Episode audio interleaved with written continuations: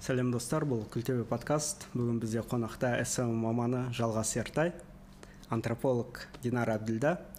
Ә, біз бүгін қазақ тілі оның аясының кеңеюі ә, соған байланысты активистердің іс әрекеті жайында кішігірім сұхбат құрмақпыз.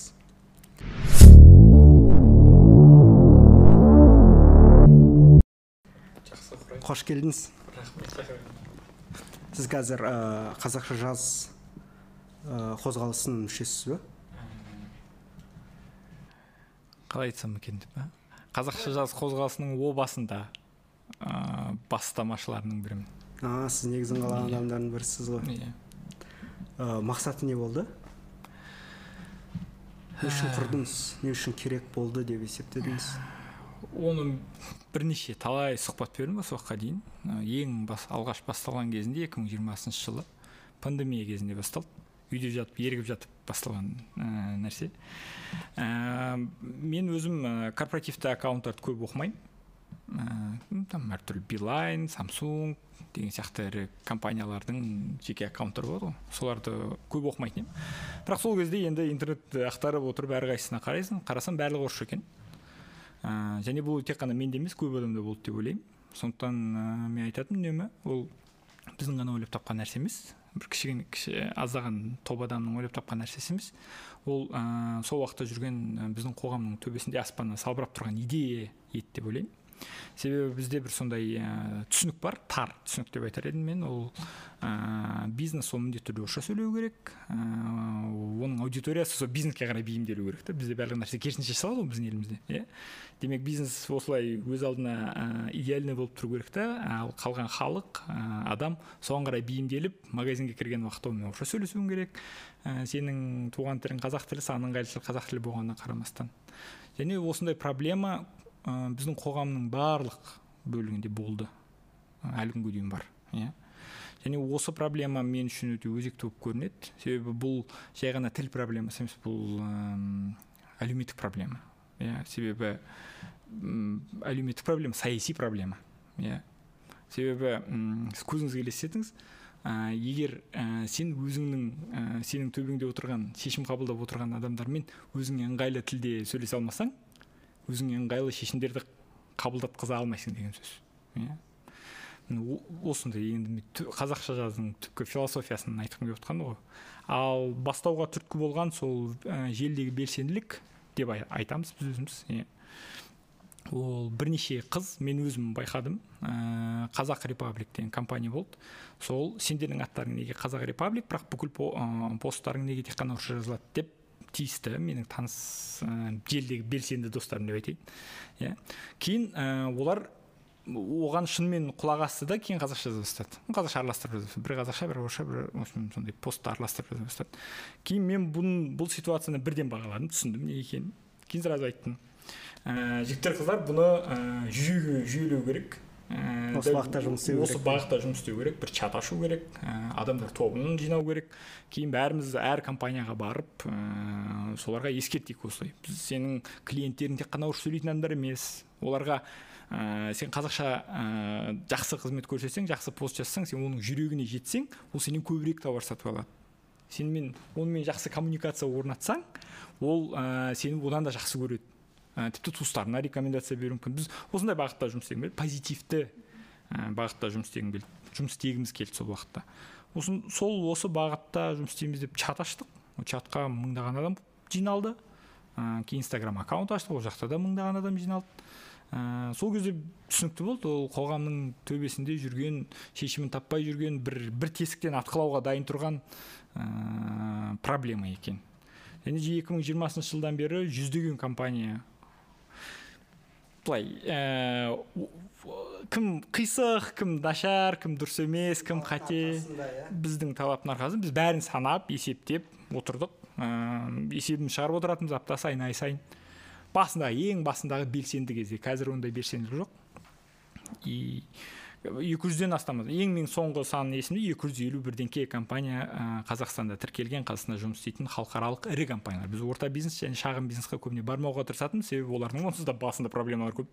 Біз еще өзіміздің ә, күн тәртібімізбен олардың басын ауыртатын болсақ кішкене қиындау болатын шығар. Біз одан гөрі үлкен ақшасы көп ә, желілік компанияларға ә, трансұлттық компанияларға деп айтайық. Сондай компанияларға баруды жөн санады да басында. Бірақ кейін соңына қарай ондай компаниялар таусылып қалды. иә мен ол әсер етті ма? білмеймін оны неге әсер еткенін бірақ мен сол кезде президенттің сол сөзіне қатысты өзімнің ойымды жазғанмын твиттерге де фейсбукқа да. Дені сау елдің президенті ол ә, тілдік рейдті тоқтатыңдар деп айтпайды. Тілдік рейдті де тоқтатыңдар. Қазақ тілді тұтынушылардың құқығын кемсітуді де тоқтатыңдар. Біз екеуіне де жол бермейміз деп айту керек еді. Бірақ біз өкінішке қарай не дені сау елде тұрмайды екенбіз я болмаса президентіміз онша дені сау емес. Ой кешіріңіздер олай айтуға болмайды екенмін жоқ бұл подкаст бұл жерде айта берсеңіз болады бұл жерде цензура жоқ. Мүмкін жаңағыдай біз президенттен президентіміздің қазақша сөйлейтінін жиі көрмейміз. Немесе президенттің жиі сөйлейтінін көрмейміз қазақша мүмкін біздің азамат ретінде қазақстанда тұрып жатырмыз ғой бәріміз қазақ ретінде президенттен талап етуімізге болатын шығар. Қазақша сөйлеңіз деп иә. Немесе президентке дауыс бермей қою керек шығар келесі рет иә. Тоқаевқа мысалға егер біреу дауыс берген болса. Ал жаңағыдай бизнестен талап ету. Өйткені бизнес бұл тұтынушыға бағытталған адамдар ғой.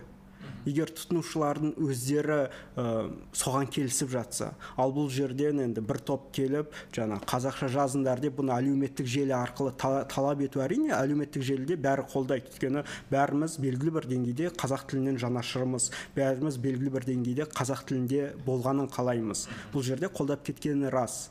Бірақ бұл ә, жаңағыдай дискриминация түсіндім иә. Сіз айтқыңыз келіп отырғаны ә, бизнесқа тиіспей неге саясатқа тиіспейді ә, тиіспейсіздер? Бірақ саясаткерлерге неге тиіспейсіздер? Бірақ бизнесқа неге тиісесіздер жоқ бұл жерде мен, мен айтпағым мынау ә, бизнесқа тиісу бұл қаншалықты иә тиісу тырнақшаның ішінде. Өйткені тұтынушылар риза алып жатыр. Тұтынушылардың өздері мысалы бас тартып жатқан жоқ. Сіздер қазақша бізге қызмет көрсетпегенше біз сіздерге жоламаймыз деп айтып жатқан жоқ. бұл сөзіңізге ешқандай дәлел жоқ. Себебі біздің елімізде көптеген скандалдар болады және ең ірі компаниялардың басымен және ә, егер бұл проблема шешілмесе бұл агрессивті формаға көшеді тіпті көшіп үлгерді көп жағдайда. Сондықтан ә, сіздің айтып отырғаныңыз ә, бизнесте ондай проблема жоқ деген ол ә, голословно деп айтар едім де. Себебі бизнесте ондай проблема бар. Мәселе ә, бизнес оны елемей отырғанында. Осыда деп ойлаймын да. Бұл бір екінші жаңа саясаткерлерге қатысты. Иә мен ә, келісемін. Біздің қазақстанда ә, тіл проблемасы қазір саяси проблемаға айналды. Ол ә, жай ғана көшедегі екі адамның ә, кім қазақша сөйлейді сөйлемейді деген проблемасы емес. Иә бұны осыны ескеруіміз керек. Ә, және ә, осылай жалғаса берсе осы темппен. Қазақша жаз сияқты. Одан да бөлек тіпті тіл майдан деген тіпті агрессивті формадағы ә, белсенділік болды. Ол ә, қозғалыстың жетекшісі тіпті елден қашып кетіп қалды біз бәріміз білетіндей иә. Қашуға тура келді. Иә тура мәжбүрледі деп айтайық иә. ал ә, осындай элементтер көбейе берсе ал біз қазір байқап отырғанымыздай бұл көбейіп келе жатыр. Ә, бұрын ол ә, қазақша газеттердің беттерінде қазақша сайттарда және әртүрлі жиналыстардағы бір үлкен апалардың былай айқайлап тұрып айтатын формасында ғана болатын. Бірақ қазір біз интернеттің арқасында оны барған сайын көбейіп бара жатқанын сезіп отырмыз да. Өте көбейіп бара жатқан. Және бұл ә, бірінші мынаны шешіп алайық кейін барып мына жаққа барайық деген конструкция жұмыс істемейді деп ойлаймын бұл жерде. Бұл жерде ә, кешенді болу керек. Проблеманы шешу. Өйткені проблема бар. Және ә, біз ол проблемаға ә, жүйелі түрде шешім жолын қарауымыз керек. Ә, президенттен талап ету керек па? Керек. Талап етіліп те жатыр. Тоқаевқа неге қазақша сұхбат бермейсің деген ә, осы уақытқа дейін талай рет сын айтылды. Иә. Бірақ біздің билік ол қашан ондай сындарға реакция беріп келген осы уақытқа дейін? Береді бірақ бір өте бір өзіне ыңғайлы кезде ғана иә. Ал ә, бизнестен ол бизнес ә, бизнес бизнес пен саясат екеуі қатар жүру керек деп ойлаймын. Сондықтан бірінші неге ә, бизнесқа ә, тиісесіңдер неге саясатқа тиіспейсіңдер деу ол дұрыс емес ә, сұрақты дұрыс қоймау проблеманы дұрыс байқамау деп есептеймін да. Енді маған осы көптеген осы тіл белсенділерінің арасында қазақша жазға ғана жазылған да өзім. Ұнайтыны ол жерде ережесі бар да. Сен ә, комментарий жазсаң да өзінің мәдениеті бар креативті түрде ешқандай агрессиясыз. Өйткені басқа да тіл белсенділік сіз айтқандай шынымен де кейде агрессияға тіпті шынымен де ұлтшылдыққа алып барады да. Yeah. сол себепте осындай шынымен ә, жұмсақ күшпен өзгеріс жасау осындай белсенділікті дұрыс көремін меніңше иә. а, менің ойымша тіпті ә, биліктің өзі бұған мүдделі болып отыр қазір. Себебі біздің ә, қазақша жазудың белсенділерінің біразы деп айтайын. Қазір ә, дәл ә, заңдық жағын реттеумен айналысып жатыр біздің белсенді енді біз үлкен топ адам там мың шақты адам бар ішінде иә. Оның бәрі белсенді емес ішінде ең белсендісі бір елу тире жүз адам ба деп есептеңіз иә. Ә, сол адамдардың көбісі қазір заңдық жағына қарай кетіп жатыр біз ә, қазір түсіндік. Жай аккаунттың астына барып неге посттарыңызды қазақша жазбайсыздар деп айтып кету ол бұрын әсерлі болды. Бірақ қазір оның эффектісі төмендеді. Сондықтан енді ә, енді иә е өтініш арқылы егов арқылы өтініш жіберу тұтынушы қоғамдарына арыз жазу министрліктерге арыз жазу ә, кейбір заңнамалық нормаларды өзгерту бастамалары ә, тіпті қазақша жаздың ә, жұмыс талқылауына қатысу арқылы мына көрнекі ақпарат туралы ә, заң қабылданды осы жақында осы жылдың басында ғана қабылданды.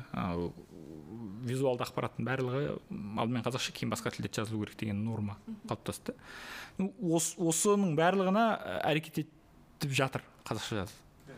Бұл жерде ә, былай келіп бәрін қопарып тастаймыз деген логика жоқ. Жүйелі түрде проблеманы өзгертеміз проблема бар және біз соны өзгертеміз деген ә, не бар. Сосын тағы бір айтқым келгені біз ә, үнемі жаңағы ә, сіз айтқан бизнестің ә, барлығы келісіп отыр ғой. Деген ә, сұраққа келгім келеді да барлығы келісіп отырған жоқ. Мысалы сіздер. Жоқ мен ғана емес жалпы мен қоғам туралы айтып отырмын иә? Ә, себебі біздің қоғамда ә, біздің қоғам өте аморфты және ә, пассив деп айтайық. Және олар сен не ұсынсаң сон иә соны қабылдайды. Демек ә, бизнес ол өзінің бір қалыптасып қалған осы уақытқа дейінгі он бес жиырма жылдың көлемінде. Ережелерін өзгерткісі келмейді. Бірақ біздің қоғамның сипаты өзгеріп кетті. Бірақ мына жердегі қабылданған ә, ережелер өзгерген жоқ. Бұл тек қана бизнеске қатысты емес бұл саясатқа да қатысты. Ә, қоғамымыз өзгеріп кетті. Бірақ саяси тұлғалар шешім қабылдайтын белсенділер әлі өзгерген жоқ. Соның нәтижесінде қаңтар оқиғасы болды. Иә шартты түрде айтқанда. Соның нәтижесінде қазақшасы пайда болды. Шартты түрде айтқанда. Біз сияқты қазақша сияқты ә, белсенділердің пайда болуы я болмаса әлгі елден қуылған қуат ахметов сияқты белсенділердің пайда болуы ол мына жерде бір қалыптасқан мұз болып қатып қалған ереже бар. Соны олар сол өзінің комфорт зонасынан шыққысы келмей отырып алғандығын ал мына жақта не болып жатқандығын түсінбегендігінің нәтижесінде ғана болып жатқан процестер деп ойлаймын. Негізі біздің елде тіл проблемасы болмау керек. Еді дәл қазіргі статистикаға қарайтын болсақ. Бірақ біздің, біздің елде тіл проблемасы бар. Неге? Себебі ол ә, саяси бір мен тек қана саясаттан көремін. Шынымды айтайын қазақстанда тіл проблемасын тек қана ә, саяси проблема деп есептеймін. Себебі айтады қоғам біздің қазақ тіліне дайын ба? деген сұрақ қояды да. Қоғам дайын. Бізде билік дайын емес осы жалғыз ғана конструкция. Мемлекеттік тілдің проблемасын шешуіне билік дайын емес. Қоғам ол әлдеқашан дайын деп ойлаймын. Ал ә, сіздің осы тіл белсенділігіңіз ол эмоциядан туындаған нәрсе ма әлде өзім эмоционалданамын просто. Жоқ ол эмоциядан туындамаған себебі мен өзімді бір керемет белсендімін деп ойламаймын біріншіден екіншіден мен тіл жанашырмын бізде сондай сөз бар ғой тіл жанашыры деген иә. Мен ондай емеспін. Өзімді шынымен айтамын ә, кейде болады осы ә, журналистер шақырады мен тіл жанашырларын иә тіл жанашырларын жинап қазақ тілінің проблемасын айтайын деп жатыр деп. Мен кешіріңіз мен тіл жанашыры емеспін мен тіл тұтынушысымын иә. Мен қазақша жұмыс істеймін орысшада жұмыс істеймін бірақ қазақша жұмыс істеймін. Ә, менің жұмыс тілім иә.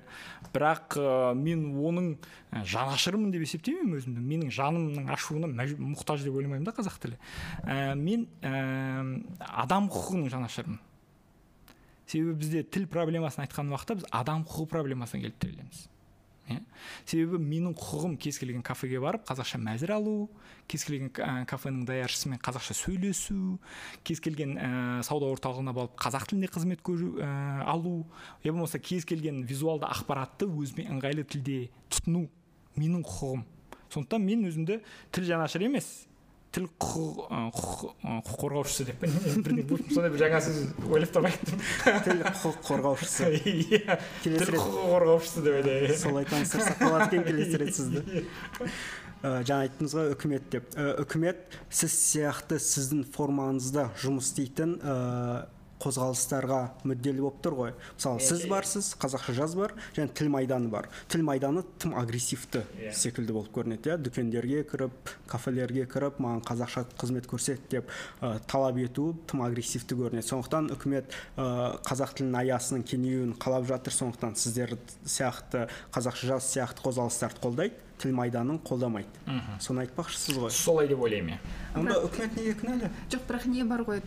Әкімшілікте тіл комитеті деген сияқты. Иә. олар сол дүкендердің қазақша жазылуын мәзірлердің дұрыс несін қадағалайды. Бірақ қаншалықты олар ісін атқарып жатыр белгісіз ғой. Иә. Неге кінәлі иә үкімет мысалы сіз сіз сияқты қозғалысты қолдайды. Үкіметте тіл комитеті бар. Үкімет миллиардтаған сомма қаражат жұмсайды. Сонда неге үкімет кінәлі деп ойлайсыз мен үкімет кінәлі деп ойлаймын. Саясат билік. шешім қабылдайтын тұлғалар кінәлі деп ойлаймын. Мен жекелеген министрлерді кінәламаймын ешқашан. Ыыы өйткені жекелеген министр бізде шешім қабылдаушы емес олар көп жерде орындаушы ғана иә бірақ шын мәнінде біздегі тіл проблемасының ушығып кетуіне және осындай деңгейге тіпті тіл белсенділерінің елден қуылу деңгейіне дейін көтеріліп кетуіне ол ә, тікелей мемлекеттік саясаттың әсері деп ойлаймын. Ә, бізде ә, жалпақ шешейлік бар. Айтқан сөзін орындамайды. Қабылданған бағдарламаларын өздері бақыламайды нәтижесіне қарамайды. Ә, миллиардтап ақша бөледі бірақ ешқайсысы дұрыстап жұмсалмайды. Ә, және ең соңында ә, сыртқы саяси ықпал деп айтайық иә ресейдің ықпалына өте қатты қарайлайды. Осы біздің биліктің кінәсі деп ойлаймын. Бұған енді сыртқы ықпалға ешқандай әсер ете алмайтын шығар бірақ ішкі өзіміздің проблемаларымызды шешуімізге толықтай болады деп ойлаймын. Бірақ ә, білмеймін не үшін кінәлі екенін бірақ бір ғана мысал келтіруге болатын шығар. Мүмкін мүмкін иә? Ә, біздегі бюрократияны ә, бюрократияны жасап отырған адамдар өздері дайын емес шығар мүмкін. Сондай да проблема болуы мүмкін. Олар справканы анықтама дегісі келмейтін шығар мүмкін. Өздерінің тілі келмейтін шығар анықтама. Бұл жақын сияқты андай иә. шынайылыққа сол жақын сияқты. иә. өйткені биліктегі біраз адам қазақ тілін еркін меңгермегендіктен ол тілде жаза алмағандықтан сөйлей алмағандықтан орысша ыңғайлы болғандықтан сақтап қалғысы келеді. Статус квоның осылай қалғанын қалайтын сияқты. Мен мен де дәл солай ойлаймын. Статус квоны сақтап қалғысы келеді. Және оған сол бюрократиялық аппаратты жүргізіп отырған он мың адам. Кінәлі деп айтайық бірақ жыл өткен сайын статус квоны сақтау өте қиын болатын сияқты. Иә қаңтар оқиғасына ә, шарықтау шегі болды. Одан алдын бұл ә, көпбалалы аналардың көтерілісі деп айтайық шартты түрде ә, сол кезден басталды деп ойлаймын. Себебі ә, мен азатта жұмыс істеймін. И біз мен пәлен жылдан бері қазақстандағы белсенділікті тікелей эфирде көрсетіп келе жатқан көрсетіп келе жатырмыз. Бүкіл белсенділердің қандай талап қоятын ә, риторикасы қалай болатын не талап ететін қай тілде талап ететін қандай формада талап ететін барлығы көз алдымда келе жатыр да. Екі мың он алтыншы жылдан бері жер митингісінен кейін одан кейін 2019 жылдың басында қателеспесем иә или әлде екі мың иә көпбалалы аналардың ә, митингілері одан ә, ортасында әртүрлі өңірлерде болған маңғыстауда әртүрлі ә, жұмысшылардың көтерілісі барлығы негізінен ә, тілге келіп тіреледі негізінен. Жоқ бұл андай ә, саяси талаптан бөлек әлеуметтік талаптан бөлек тілге келіп тіреледі себебі көзіңізге елестетіңіз алматының астанада астанада тұратын бес баланың анасы келеді де ол орысша әрең сөйлейді. Ә, қазақшаны бір керемет қатырып сөйлемейді бірақ енді барынша эмоциясын шығарып сөйлейді. Ә, келеді де ә, шенеунікпен сөйлескісі келеді. Ал ол шенеунік ана жерде сенімен орысша сөйлесіп тұрады. Мен өз көзіммен көрген оқиғаны айтып отырмын қазір. Азаттық ә, радиосының тікелей эфирінде азаттық канал ютуб каналының тікелей эфирінде тұр. Маған орысша сөйле маған қазақша сөйле деп айтады ана әйелдер. Астана қаласының әкім орынбасары қателеспесем атын ұмытып тұрмын. Кішкене шатастыруым мүмкін қазір. Айтпай ақ қояйын. Сондай талаптар күшейе берді күшейе берді. И дәл осы ә, адамдардың ә, агрессивті формаға көшіп кетуіне жаңағы телефоннан көшеге шығып кетуіне болмаса көшеде не неғып сөйлемейсің деп соған осындай жағдай кінәлі. Сосын кез келген тікелей эфирдің астын қарасаңыз кез келген мемлекеттік органдардың тікелей эфирін.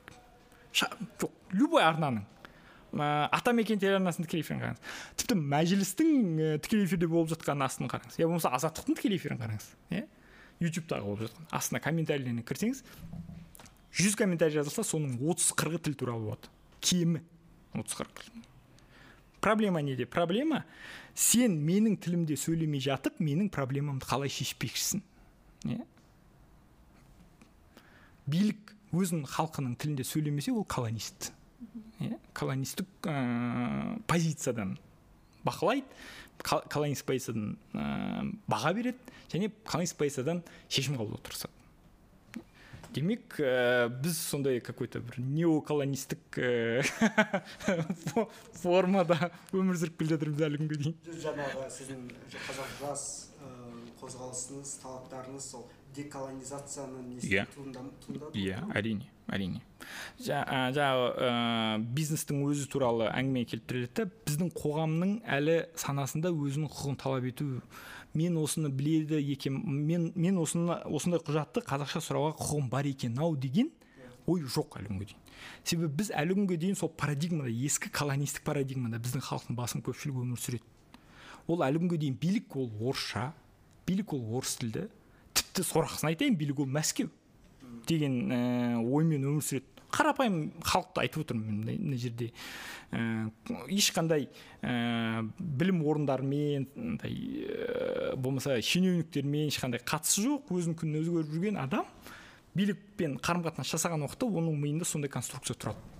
Немесе аморфтік иә болады. Мысалы орысша береді сізге бір ә, анықтаманы оған бәрібір мен орысша білемін ғой толтыра салайын мен қазақшалап не істеймін мына жерде шу шығарып не істеймін деп. Сондайда иә бірақ андай біз көбісі қазақстанда енді орысша қазақша біледі ғой. Мен де өзімде қазақтар иә қазақ тілді иә қазақтар. иә. Мен өзімде солай екі тілді болып ондай көп проблема көрмейтінмін де басында. Бірақ одан кейін шетелге шыққаннан кейін ол әсер етеді. Одан кейін украина соғысы одан кейін жаңа қазақша жаз барлығы минус мәзір сұрайды ғой қазақша. Сосын мен де енді солай жасап көрейін деп бір кафеге кірдім. Маған қазақша мәзір беріңізші десем маған қарайды да қазақ жігіт официант. Қарайды да біртүрлі қарайды да сен түсінбейсің ба барлығы түсінікті ғой деген сияқты. Бізде жоқ дейді. Сосын қараймын сосын саңырау құлақтан жасалған енді орысша түсіндірмесі тұр. Енді орысша жазғанмен өзім басымда енді құрастырдым. Бұл енді дені дұрыс осындай сорпа болу керек не болу керек. Одан кейін маған бір қою қап қара бір нәрсені алып келді. Дәмсіз. Сосын өзімді елестеттім. Мен орысша білмейтін тек қазақша түсінетін адам болсам маған қайдағы жоқ нәрсені осылай алып келсе шынымен де менің құқығым тапталған ғой. Мені мазақ етіп тұр ғой деген сияқты. Сол кезде шынымен де қаншалықты ол тіл рационалдықтан бөлек шынымен эмоционалды нәрсе екен ол. Шынымен менің қазақстанда өмір сүре тұра бірақ мені кемсітіп жатқаны енді мазақ етіп тұрғаны содан кейін барып кішкене басыма келді де басқа орысша білмейтін басқа тіл білмейтін тек қазақша сөйлейтіндердің не сезінетінін. Шынымен бұл ә, біз айтамыз ғой енді ол ә, барлығына дискриминация жасамау керекпіз ондай талап етпеу керекпіз деп. Бірақ сонда да ә, бір кері жүретін ә, өзіміздің елде тұрған дискриминацияны көбінесе біз жауып тастауға тырысамыз ғой. Шу шығарма оны мен ғылыми терминдерді нақты білмеймін бірақ селф ориентализм деп айтады қателеспесем ондайды өзіңді өзің кемсіту. Иә? Сені бірінші кемсітті сен сон сен қазақтар нашар деді сауатсыз деді. Ыыы тіпті кейде риторикалық сендерге қала салып бергенбіз дейді сендерді туалетке баруды үйреткенбіз дейді иә. Ә, сені кемсіте берген сайын уақыт өте келе сен де елдерді сен өзіңді кемсіте бастайсың. Біз қазір дәл осы ситуацияда отырмыз. Бізді жүз жыл бойы жүз елу жыл бойы кемсітіп келді. Енді біз өз өзімізді кемсітуге әбден бейімделіп алдық. Біз тіпті өз өзімізді ғана кемсітпейміз біз еще өзімізге ұқсаған басқа біреуді кемсітеміз. Иә? осындай формаға ауысып кетті да қазіргі біздің жаңағы колонистік парадигманың аясында осылай қимылдап келе жатырмыз. Ал одан бөлек бір статистика айта кетейін. Алматының алматы қаласының тұрғындары қателеспесем. Осы жерлердің статистикасы шықты жақында. Ә, жақында емес былтыр екі мың жиырмасыншы жыл ма жиырма бірінші жыл ма ұмытып тұрмын осы жақын жылдардың бірі. Сол кезде қазақстан алматыдағы жетпіс бір пайыз құжат орысша алады жиырма тоғыз пайыз құжат қазақша алады. Ну құжат болғанда там формалар әртүрлі қағаздар. Иә енді қарапайым статистика мен кез келген халық қызмет көрсету орталығына барам да барсам айтады маған ә, орысшасын береді қағаздың толтыруға иә. Мен айтамын маған қазақшасын беріңіз деймін. Сол кезде ол кісі тұрады да таппай қалады қазақшасын. Сосын орысшасын толтыра салыңызшы дейді. қазақша тап өзіңмен нормально қазақша сөйлесіп отырған адам. Жоқ маған қазақшасын беріңіз неге мен орысша сосын кейін ол іздеп барып бір жерден шығарып алып келеді. Сосын оны ә, жаңа статистикаға кіреді ол жиырма тоғыз процентке. Енді көзіңіз елестетіңіз жиырма тоғыз процент біздегі ол қаһармандар. Осындай кедергілер арқылы өтіп жаңағыдай жиырма тоғыз процентке жетіп отырған қаһармандар. Деп есептеймін мен өз басым. Қазақ тілді қызмет көрсету саласы ә, қызмет алу саласындағы қаһармандар деп есептеймін. Біз алматыда жиырма тоғыз процентпіз. Ал неше проценті? Жаңағыдай мен сияқты сұрады да бірақ ала алмай қалды. Иә. А неше проценті? Әй қойшы деп ұялды алуға. А неше проценті? Осылай болу керек екен ғой деп толтырды. Біз білмейміз ондай нәрсе бірақ қазір электрондық қызмет көрсете бастағанымен сіз тілді таңдай аласыз ғой. Ол жерде енді сізге енді өзіңізге байланысты да? Еговты айтасыз ғой иә еговты иә ол мүмкін иә. мысалы тіпті каспиде болсын барлық жерде өзіңізге қазақша ә, тілді таңдай аласыз. Yeah. бірақ бұл жерде кейбір адамдар ерінеді немесе ә, қазақша түсініксіз деп айтуы ол еріншектік емес ол ә, бірінші селф ориентализм иә. иә. Мен көзіңізге елестеймін мен абсурд әңгімені айтайын қазір иә. Түркістан. Мен түркістанның адамымын. Ә, түркістанда ә, орыстар қазақша сөйлейді. Бірде бір адам орысша сөйлемейді. Орысша мектептер жабылып жатыр бірінен кейін бірі иә? Ал бірақ банкоматқа келеді да адамдар орысшаны таңдайды. Мен арнайы сұрадым үлкен кісіден мен өзімнен біраз жас үлкен адамнан артында тұрғанмын былай кезекте банкоматтан ақша аламын деп. Сөйтіп тұрсам алдымда тұр орысша таңдайды. Сосын мен келдім де апайға мен көмек сұрады ғой енді. Ә, неге орысша таңдадыңыз деп сұрадым. Сөйтіп енді орысша түсініктірек қой дейді окей түсініктірек онда маған қазақша түсінікті керісінше шығып қазақша қайтадан кірдім сосын ол жерде мәселе ә, жаңағы электронды сервистердің барлығын қолдану орысша қолдану. Ол адамдар сол орысшаны түсініп жатыр дегенді білдірмейді.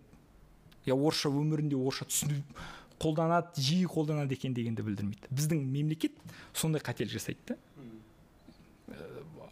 Дата аналитика шығарған кезде. Ол адамдарға солай үйретілген просто. Сен мына жерге кіресің мына орысшаны таңдайсың мына жерді басасың мына кнопканы басасың сол кезде ақшаны шығады. Ол кісілер ойланбайды. Ол жаңа біреу көрсетті баяғыда сол кнопкаларды басып шықты болды. Көп жағдайда солай болады. Ал екінші жаңағы егов ә, бірдеңе дегенге қалай келетін болсақ ә, еговқа кезекке алуға тұрған кезде мен көп жерден байқаймын. Мысалы отбасы банкпен соңғы уақытта көп істес болып жүрмін. Бірнеше мемлекеттік ә, халыққа қызмет көрсету орталықтарымен бәрімен істес болып жүрмін. Бәрінде анау талон алатын жерде бір жігіт тұрады. Сосын сен айтасың осындай осындай десең орысшасын басады е тоқта тік деп қазақшасын басамын сосын барып ауыстырамын.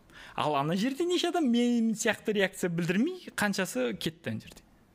Неше адам процент? Жаңағы жетпіс бір проценттің бәрі практически бәрі солай кеткен шығар құдай біледі иә.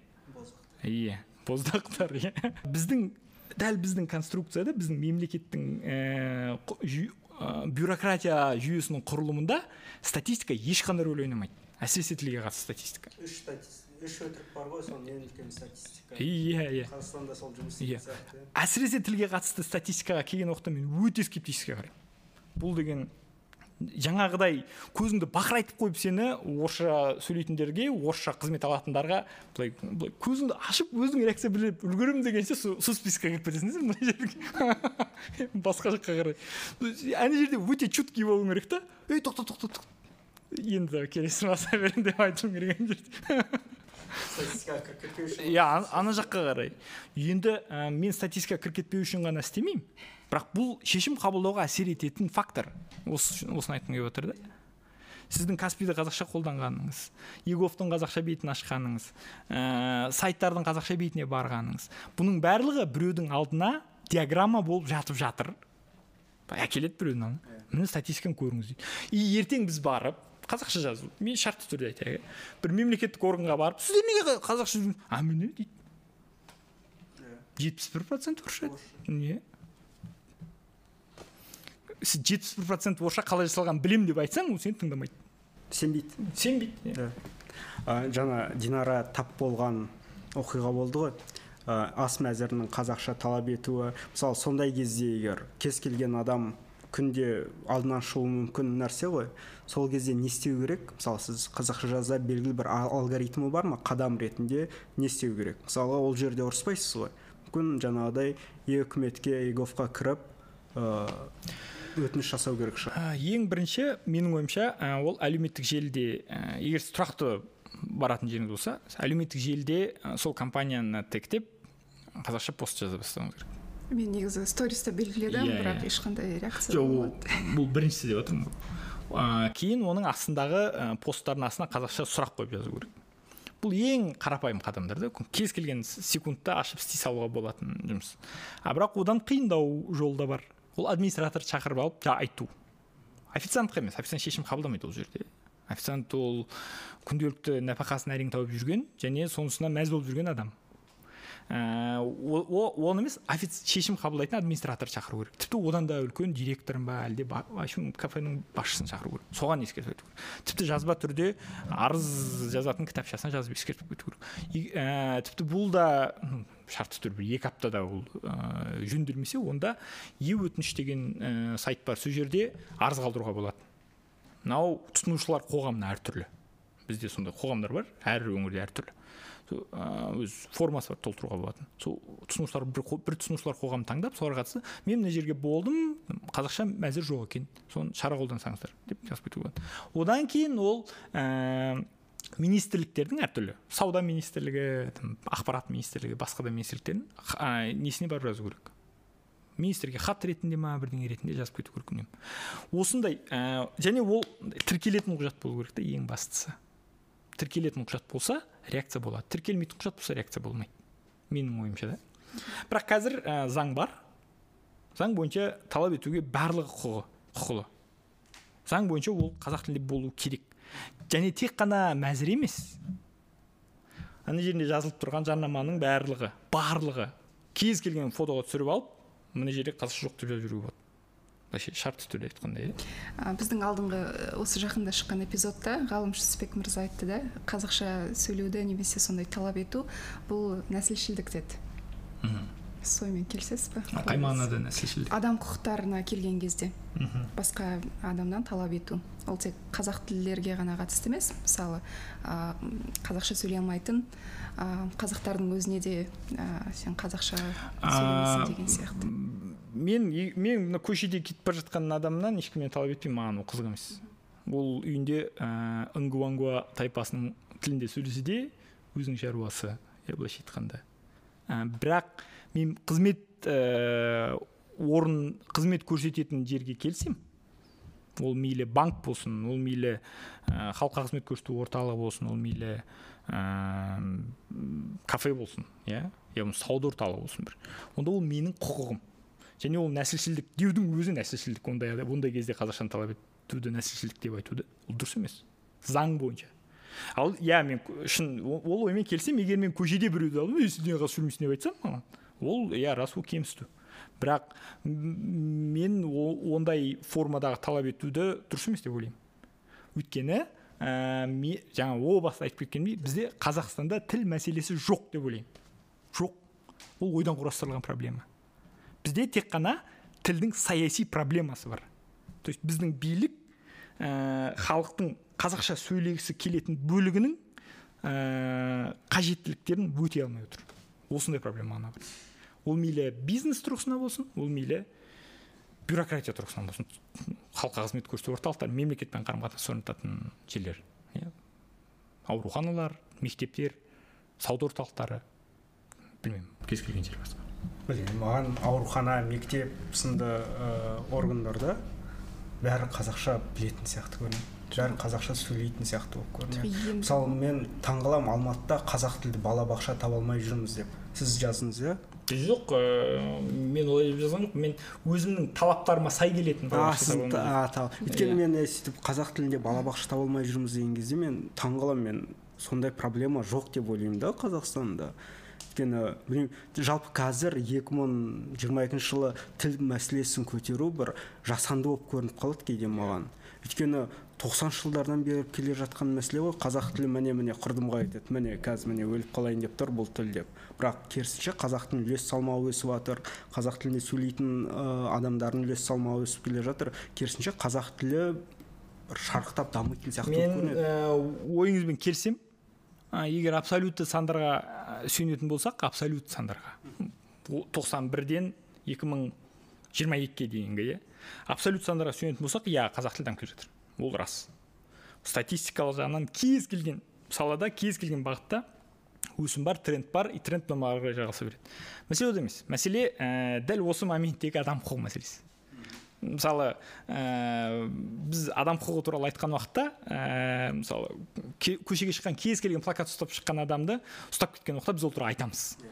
Талқылаймыз және олай не үшін істеуге болмайтынын түсіндіреміз. Дәл осындай сияқты. Кез келген кафеге барып міне ә, қазақша мәзір таба алмаса ол проблема. Цонға барып қазақша қызмет ала алмаса ол проблема. Банкке барып қызмет алмай видеосына ә, түсіріп алып фейсбукқа шығарып ә, скандал шығарса ол екі есе проблема. Проблема бар. Тренд жалғасып келе жатқанына қарамастан. Ол тренд жалғаса береді.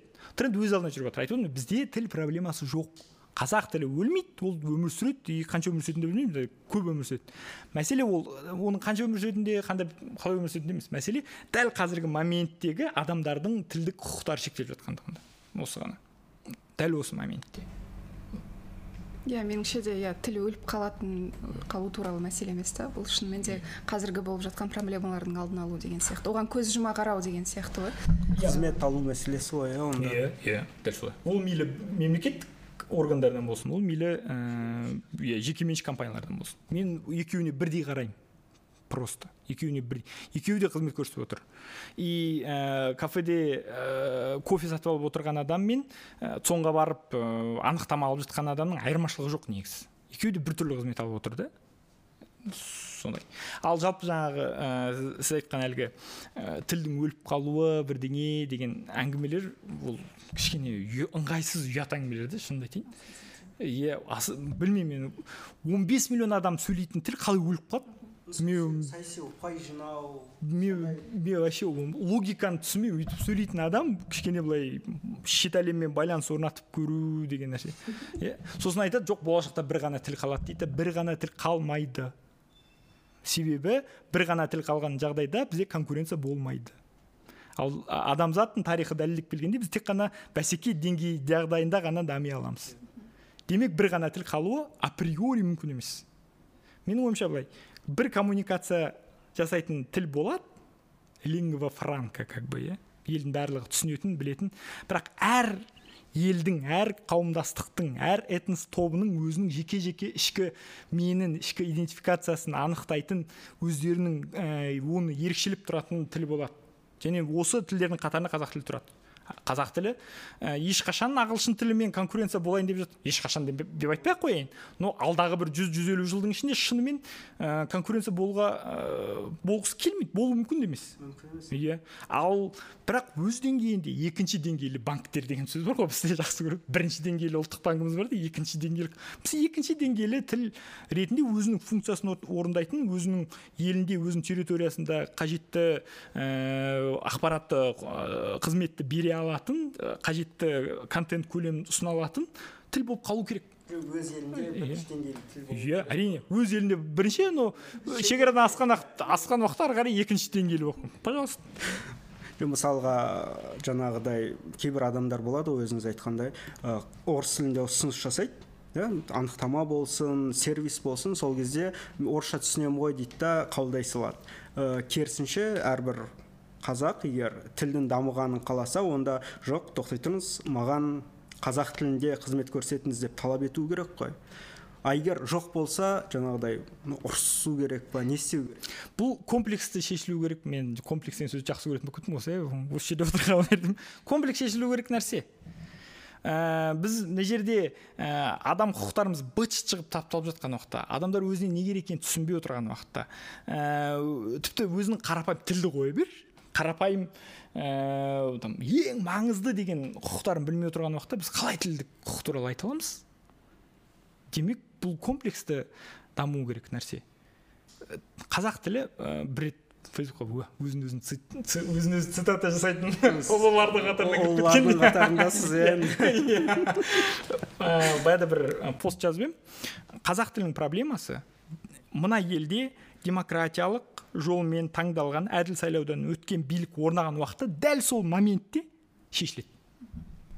Иә көптеген қазір әлеуметтік мәселелердің шығып жатқан сол қазақ тілді ортадан ғой негізі. Бірақ оған нәтиже егер мемлекет диалогы орнатқысы келсе онда қазақша сөйлейтін еді а олар орнатқысы келмегендіктен енді игнор жасайды иә.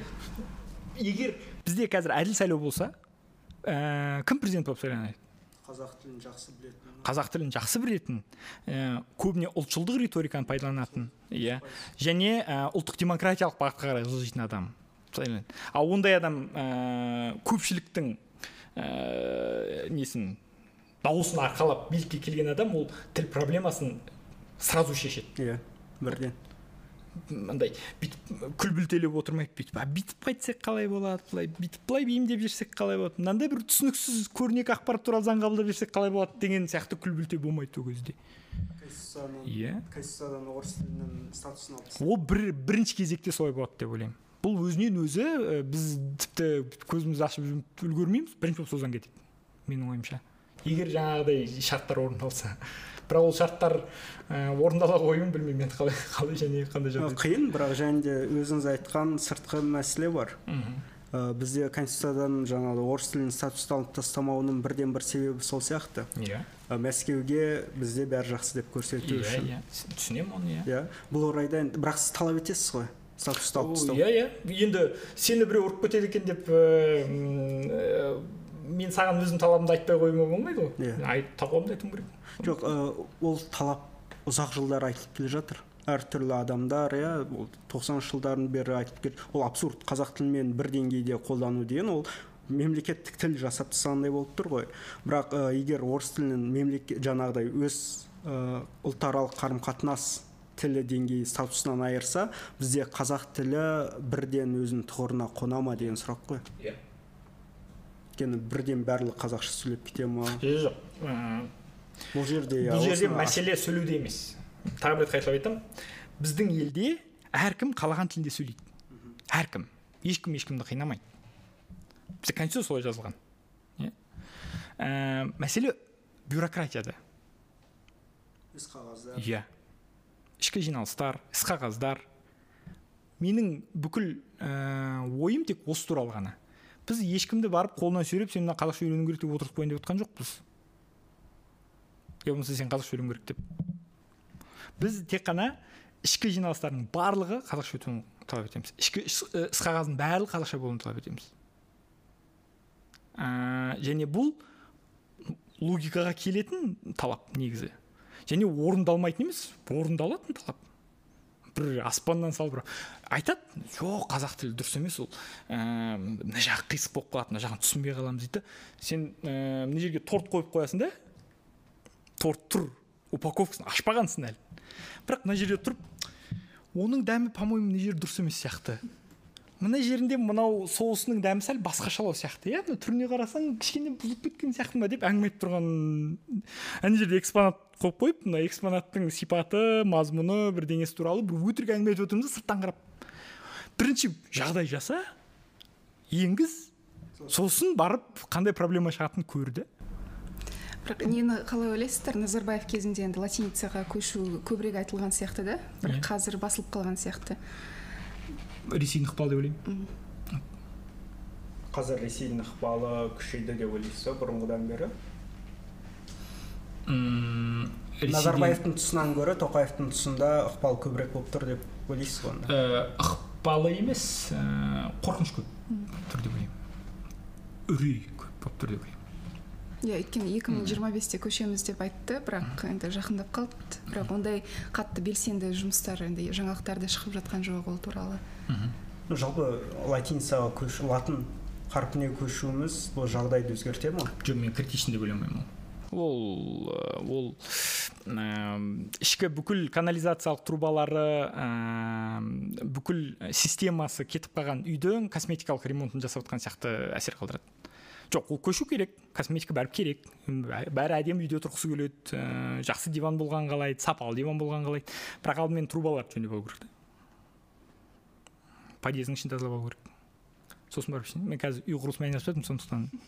Сондай сондай символистік жақсы аналогиялар шіріп кеткен құбырлар деген сияқты иә иә дәл сол. Иә өйткені шынымен де косметикалық демекші мындай дүкендердің нелерінде жазбалары латынша ғой. Бірақ әлі қабылданған жоқ бір. Бір қалалардың аты да кейбіреулері кіреберістегі сондай латиницамен жазылып тұр. Иә. Жоқ жаңағыдай жөндеу орталықтары дүкендер кейбір ә, мейрамханалардың латиницамен латын қарпімен жазғанын көресің де халық оны халық жеке кәсіпкерлер жасап жатыр ғой. Кішігірім дүкеннің иесі жасап жатыр. Соған білмеймін талап өзі дайын сияқты соған. Ол медианың әсері деп ойлаймын. Көп талқылады көп айтты адамдар. А шынымен көшеді екенбіз ғой көшсек екі жылдан кейін ауыстырып не керек қазір ақ қоя салайық деген логика деп ойлаймын сондай. Кәсіпкерлер солай ауыстырып жатыр инерциямен иә иә. Бірақ қалалардың енді кіреберістегі атау ол әкімшіліктің жұмысы ғой иә ол жоғарыдан келгенде бір ықпал болу әкімшілікте де адамдар отыр ғой. Олардың да олар да медиа ықпалға бейім. Иә олар ешқандай төбеден бәрін латыншалаңдар деген түспеген деп ойлаймын. Мен білмеймін нақты бірақ солай деп ойлаймын. Әркімнің жеке инициативасы шығар скорее всего. Бірақ ол әлі нақты шешім қабылданбай жатып нақты емлесі бекітілмей жатып нақты әріптер қалай болатыны түсінікті болмай жатып ондайға көшу кішкене асығыстық. Иә осы жылдары енді көп байқалмайды бірақ қалай сол жаңалық шыға бастады? Иә. Былай жаппай басталды ғой сол бір құбылыс. Аяқ киімді онлайн заказ беру сияқты ғой. Заказ бересің бір кішкентай тар болып шығады да анау. Кейін қиналып жүресің ай мына жерімді қажап жатыр деп. Ауыстырайық деген вариант жоқ дейсіз ғой. Қайтарайық ауыстырайық десе жаңадан сатып алу керек басқасын. Жоқ өйткені маған маған ұнады бұл ұсыныс. Білмеймін көп адам сынады бірақ маған бұл бір ақпараттық қауіпсіздікті қорғаудың бір жолы сияқты көрінді маған. Мен былай деп ойлаймын. Ә, бұл менің конспирологиялық ойым деп айтайын иә бұл фокус иә фокусты ауыстыру. Деп ойлаймын. Фокусты ауыстыру сендердің әлгі қазақ тілдерің әлі онша дайын емес. Так что кішкене былай емлесін дұрыстап алайық әріптерін дұрыстап алайық латыншаға көшіп алайық сосын барып енгіземіз. Бұл фокусты ауыстыру деп ойлаймын. Жоқ бірінші тілді тұғырына қондырыңдар сосын бастап бастап латыншаға көшеміз ба рунаға көшеміз ба тағы араб төте жазуға көшіп кетеміз ба ол маңызды болмай қалады уже. Бірінші ана жақты реттеп алу керек. Бірінші трубаларды ауыстырып алу керек. Солай деп ойлаймын фокусты ауыстыру демекші алдында реформаларды облыстардың атын ауыстыру бұл да қазақтардың қазақ тілдерінің сезімдерімен иә иә иә біздің әлгі шешім қабылдайтын адамдар деп айтайықшы білмейміз ғой кім екенін нақты. Сол адамдардың бір сондай қиялдарынан туған өздерінше күн тәртібін енгізгісі келген адамдардың назарын аудартқысы келген әрекеттер деп ойлаймын. Латын да сол списокта. Иә экономикалық әлеуметтік мәселелерді шешпейді де бірақ сондай кішкене бәрібір дінмен ойнау тілмен ойнау деген сияқты нелерді. Бірақ, бірақ енді ә, жалпы болашақта ауысу керек деп есептеймін өзім. Бірақ ол біздің қазір саяси ойынның инструментіне айналып кетті қазір. Сондықтан ыыы ол баста басталды негізі баяғы бұрынғы президентіміз кезінде басталды әлгі әріпті бүйтіп қою бүйтіп қою деген әлгі сол кезде басталып кетті ол и әлі жалғасып келе жатыр. Иә бірақ керек жерде ғана ауыстырады да мысалы. Ә, қанша бірнеше жыл бұрын мен өскемен жақ шығыс қазақстанға барған кезде ол жақта ауылдың аттары көшенің атаулары әлі де орысша болғанда мен таңқалдым өйткені мына алматы облысында қарап жүрген кезде барлығын жаппай бір ауыстыру ауыстырды ғой. Мен ойладым бүкіл қазақстанда солай шығар деп. Жоқ ол әкімге байланысты. Иә бірақ шығыс қазақстанда енді кішкене енді орысша тілділер енді орысша жаңағы орыс адамдар көп болған соң оларға енді бәрібір олай жасамаған анау фейсбукта көп пост жазатын әкімдер әдетте көше ауыстырғыш сондай болып келеді. Андай ұлт ұлт жанды әкім ретінде көрінді ма? Өткенде жалпы тіл осындай бір не сияқты? Халықтың көңілін аулап қалу үшін жақсы бір инструмент болады ғой. Өйткені шымкент қаласының әкімі әйтенов те бір ә, орысша сөзді ұмытып қалып қазақша сөйлеп мына сөз қалай еді деп жоқ ол иә. шынымен ұмытып қалды деп ойлаймын негізі. Комбикорн ба со- со- соны ұмытып қалды иә жем жем деген Иә, сөздің иә. орысшасы қандай еді деп. Иә соны. Орысшасы қандай деп халықты бір риза етіп қояды. Халықты сөйтіп алдай сатуда міне бұл бұл біздің жүйенің осындай деңгейге жеткізгендігі. Тіл оңай шешілуі тиіс проблеманы ә, ушықтырып жіберу және ә, ушыққан проблеманы өтірік шешкенсу ә, кейін ол өтірік шешкеннен тағы бір ушыққан проблема шығару кейін оны тағы шешкенсі болу. Әйтеуір ә, бір керемет имитация жасап жатыр әйтеуір не керек? Ә, бұл осындай біздің елде қалыптасқан бюрократиялық жүйенің ә, билік формасының деп айтайық иә?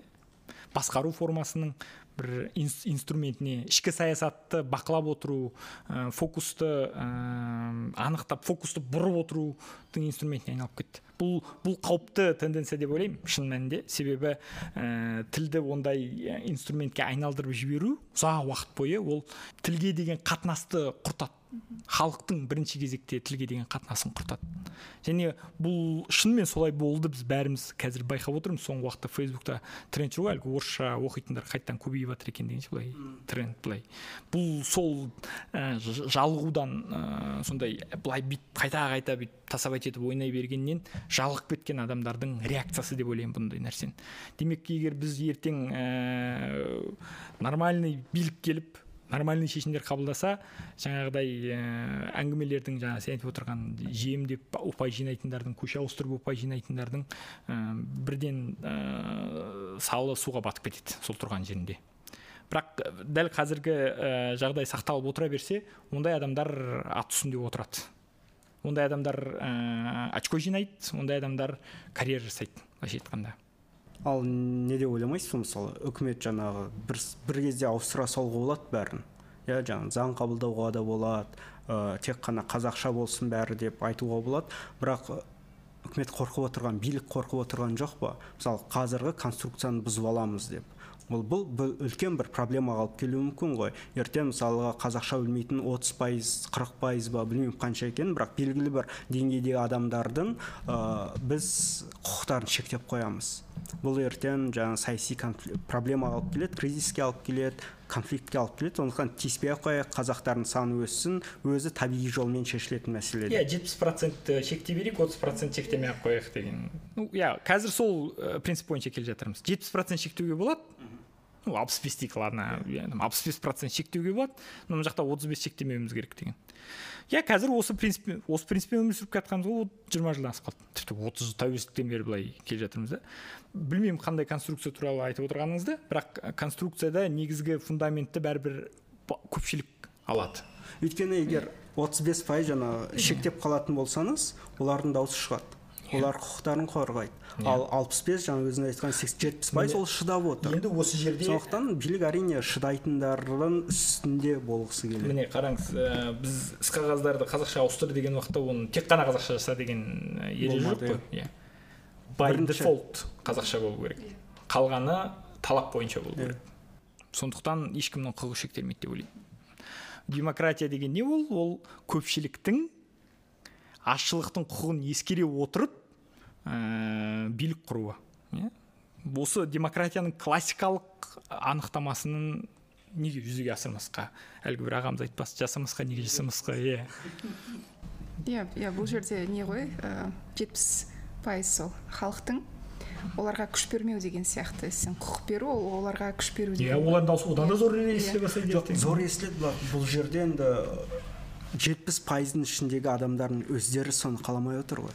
Мысалы сіз барсыз иә саналы түрде ә, барған жеріңізде қазақ тілді талап етесіз. Қараңыз жетпіс пайыздағы ә, адам ол тек қана тілге қатысты емес ол талай нәрсені қаламай отыр осыны да ескеру керек та ол тілге ғана тіреліп тұрған жоқ ол жерде. Просто біздің қоғамның ерекшелігі сол иә. Жай ғана барлығы ә, қазақша болған қаламай отыр деп айту бұл дұрыс емес деп ойлаймын. Көпшілік бәрібір қалап отыр. Біз трендті байқап отырмыз әртүрлі ә, білмеймін енді біздің әлгі билікте отырғандар сияқты бізде дата аналитика жоқ шығар. Дегенмен ә, былай көзбен бақылайтын болсаң бәрі сондай. Сол ғой сіз көзбен көріп бәрі қалайды дегенмен ар жақта сізге көрсететін диаграмма бар. Ол диаграмма қалай жасалатынын айттық қой жаңа. Оны айттық иә. Сондықтан біз мына диаграммада қазақ тілдер көп болу үшін жетпіс пайыз сол жетпіс пайыз барлығы сіз сияқты талап ету керек. Иә келісемін. Бұл маңызды нәрсе. Ол жалпы саяси сауаттың артуына Иә. келіп тірелетін проблема да жаңағы. Білмеймін енді саяси сауатты қалай арттырамыз иә бірақ бұл жерде э, не ғой бәрібір анандай қажеттіліктер э, не пирамидасына қарайтын болсақ кімдер талап етеді? Оған уақыты бар күші бар э, сол адамдар. Бірақ сенде әлеуметтік экономикалық мәселелерің жаңағы шешілмей тұрса сен тіл мәселесін алға тартпайсың ғой бірінші кезекте. Басқаларын шешіп алайын сосын көрем деп. Одан кейін мысалы ә, бізде мысалы телевидениені қазақшалады сериалдарды қазақшалады Иә. әндер қазақша. Иә. бірақ оларға сендер жетпіс пайыз осыны тұтына беріңдер. Ал адам құқықтары демократия туралы орысша айтыла берсін деген сияқты. Ол да бір шектеу ғой бәрібір де адам құқықтары демократия туралы орысша ә, айтыла берсін де деп деп жатқан жоқ ғой енді бірақ көбірек қой сонда енді. Қазақшада енді ондай ә, бәрібір массалық түрде Ме- мен иә мүлде айтылмаса екен деп отырған сияқты. Ол ол енді идеал ғой олар үшін иә, мүлдем ешкім ештеңке айтпаса ол тұрғыда айтқан. Саясатқа мүлдем қатыспаса кез келген салада қатысыңдар Иә, экономика потоктарын басқарып отыра берсек иә біз басқарып сияқты потоктардан глоток жасап отырсақ деп слипаков айтпақшы. Жоқ жаңа динараның айтқаны менің де меңзегенім сол да. А, кім той жасайды? Қазақтар той жасайды. Қазақтар той жасағанда қандай әртістерді шақырады? Қазақша ән айтатын әртістер шақырады. Сондықтан біздің шоу бизнес қазір қазақ тілді. Әншілердің жазатын әндерінің 95 пайызы қазақ тілінде ғой. Өйткені сіз ертең ә, телевидениядағы неден кейін ротациядан кейін көрсетілімнен кейін тойға шығуыңыз керексіз. Той қазақтардікі шығып қазақша сөйлеуіңіз керексіз. Сол қазақтар сол тойда талап еткен әншілер қазақ тілді әнші қазақ тілді тамада ретінде талап еткендей басқа құқықтарын талап етсе да мен саяси құқықтарды айтып отырған жоқпын. Жалпы кез келген құқық деп айту тек, тек қана мысалы тіл құқықтарын ғана талап еткеннің өзінде бізде өте үлкен өзгеріс болатын еді. Сонда біз диаграммада жаңағы жетпіс пайыз ол орыс тілдері емес қазақ тілдер болатын еді.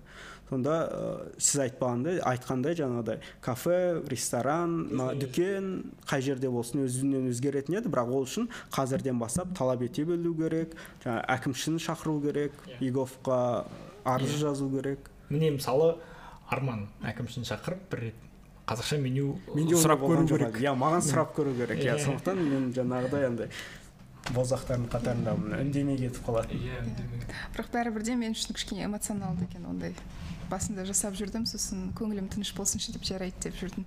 Одан да сол бәрібір де бір қозғалыстың ішінде ә, көппен бірігіп жасаған ә, кішкене жеңілірек па? Я болмаса төбеден төбеден түсіру керек та Иә. бізді жақсы көреді біздің халық сондайды мә сендер сендердің жағдайларың мынау деп өйткені ол ішін неден де туындамай ма ішкі бір протест қазақ екінші сорттағы адам емес. Қазақ тілі екінші сорттағы тіл емес деген протесттен де шыққан нәрсе емес бұл талап ету. Маған қазақша қызмет көрсет деген. Мен білмеймін мен ондай конструкцияда ойланып көрмегенмін. Мен тек қана ә, ол менің құқығым деген конструкциямен ғана ойланамын енді әркім әртүрлі ойлайды шын. Тіпті реваншистік бір көзқарас болмай ма? Жетпіс жыл бойы бізден орысша талап еттіңдер білмесең де сөйлеткіздіңдер там қазақша сөйлемеңдер дұрыс тілде сөйлеңдер деген сияқты нәрселер болды ғой. Иә. ал енді біз сендерден дәл соны талап етеміз. Ну ә, қазақша сөйлеңдер дұрыс, дұрыс сөйлеңдер деп. Ондай талап бар иә ол рас. Ә, ол ондайды қате деп айта алмаймын. Олай дұрыс емес. Олай істеуге болмайды деп айта алмаймын.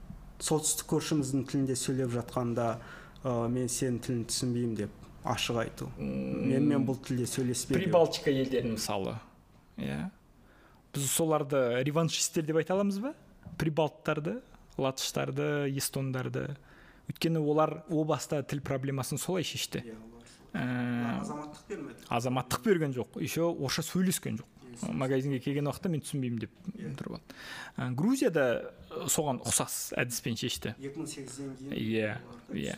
украинада 2014-тен кейін басталды. Ну қазір ол кардинально кетті былайша айтқанда. Ә, мен мен енді ә, деколонизациялық көзқарастан қарайтын болсаң басқа амалын білмеймін қандай жасауға болатынын. Шынымды айтайын менде дайын рецепт жоқ.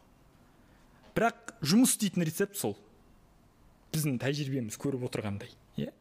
Жаңағыдай талап ету. Сен маған не істедің мен саған соны істеймін деу. Иә былайша айтқанда. Білмеймін. Мүлдем орысша сөйлемей қою мысалға. Ол да бір бір дұрыс әрекет па жоқ па? Өйткені тіл белгілі бір ұлтқа белгілі бір елге тиесілі нәрсе емес қой. Менде дайын рецепт жоқ. Бірақ мен олай жасаған адамдарды айыптай алмаймын. Өйстіп жауап берейінші иә. Менде басында сол кішкене ә, орыс тілден алшақтау ә, мына кезден басталды да. Бір рет осы қазақстандық бір сайтқа репортаж дайындадым. Швейцарияда жүріп өзім бір күнімді сипаттап ол орысша болды ол кезде. Сонымен орысша жаздым. Одан кейін комментарийлер тиісе бастады да маған қате жаздың андай мындай сосын алдым да мен не үшін орысша жазамын онда деп. Қазақша жазсам маған ешкім тиіспейді деп менде ә, жазбай әлеуметтік желіде мен толықтай қазақшаға көштім де. Сонда ол неден да? Өкпеден туындаған нәрсе. Мен қазақша жазу керекпін. Мен өзім тілімде сөйлесем маған ешкім кемсітпейді деген. Бүкіл қазақ өкпелеу керек сияқты оны мен түсінбеймін. Негізі өкінішке орай жаңа сіздің келтірген мысалдарыңыз бір я өкпе болу керек. Я үлкен бір трагедия болу керек. Құдай сақтасын. біз жоқ бізде өткенде болды ғой бізде өткенде болды бірақ біз әлі де оны жүрегімізден өткізбедік. Біз үшін ол алыс бірдеңке біз ол трагедияны ертең жақында ғана не болады? отызыншы мамырда ғана еске түсіретін сияқтымыз. Ертең жақындағанда не болады ол? Бұл жақындататын уақыт болады ғой. Ол болады yeah. және ол иә ол өте қиын нәрсе. Сондықтан біз жаңағыдай өзіңіз айтқан гүржістаннан украинадан мысал ретінде соларды көріп сол трагедияға әкелместен өзгертуіміз керекпіз соған келуіміз керекпіз ә, ну прибалтика елдері трагедияға алып келмеді деп ойлаймын. Иә. Yeah. украина алып келді иә трагедияға. Бұның астында тіл проблемасы жатыр ғой бәрібір. Иә. Негізгі фундаменті тіл проблемасынан шықты. Бірақ ол ә, бәрібір екі ә, туыс қандас деп айтайық. Халықтың бір біріне деген претензиясы иә жақын туыстардың иә. Ал бізге қатысты ә, ол қандай проблемаға ұласып кетуі мүмкін? Егер біз өзіміз қалағанша істей бастасақ та жаңа біз жаңа бері талқылап отырғандай мен білмеймін ештеңе деп айта алмаймын. Бірақ әрине сыртқы фактор бар екенін оны бәріміз білеміз көріп отырмыз сезіп отырмыз. Соны ешкім жоққа шығарып отқан жоқ. Ә, бірақ енді сыртқы сыртта біреу көңілі толмайды екен деп үйдің ішінде қорқып отыра беруге болмайды ғой шықпай. Иә ол да дұрыс емес әрекет деп ойлаймын. Осылай. Рахмет түсінікті тамам келгеніңізге рахмет жақсы рахмет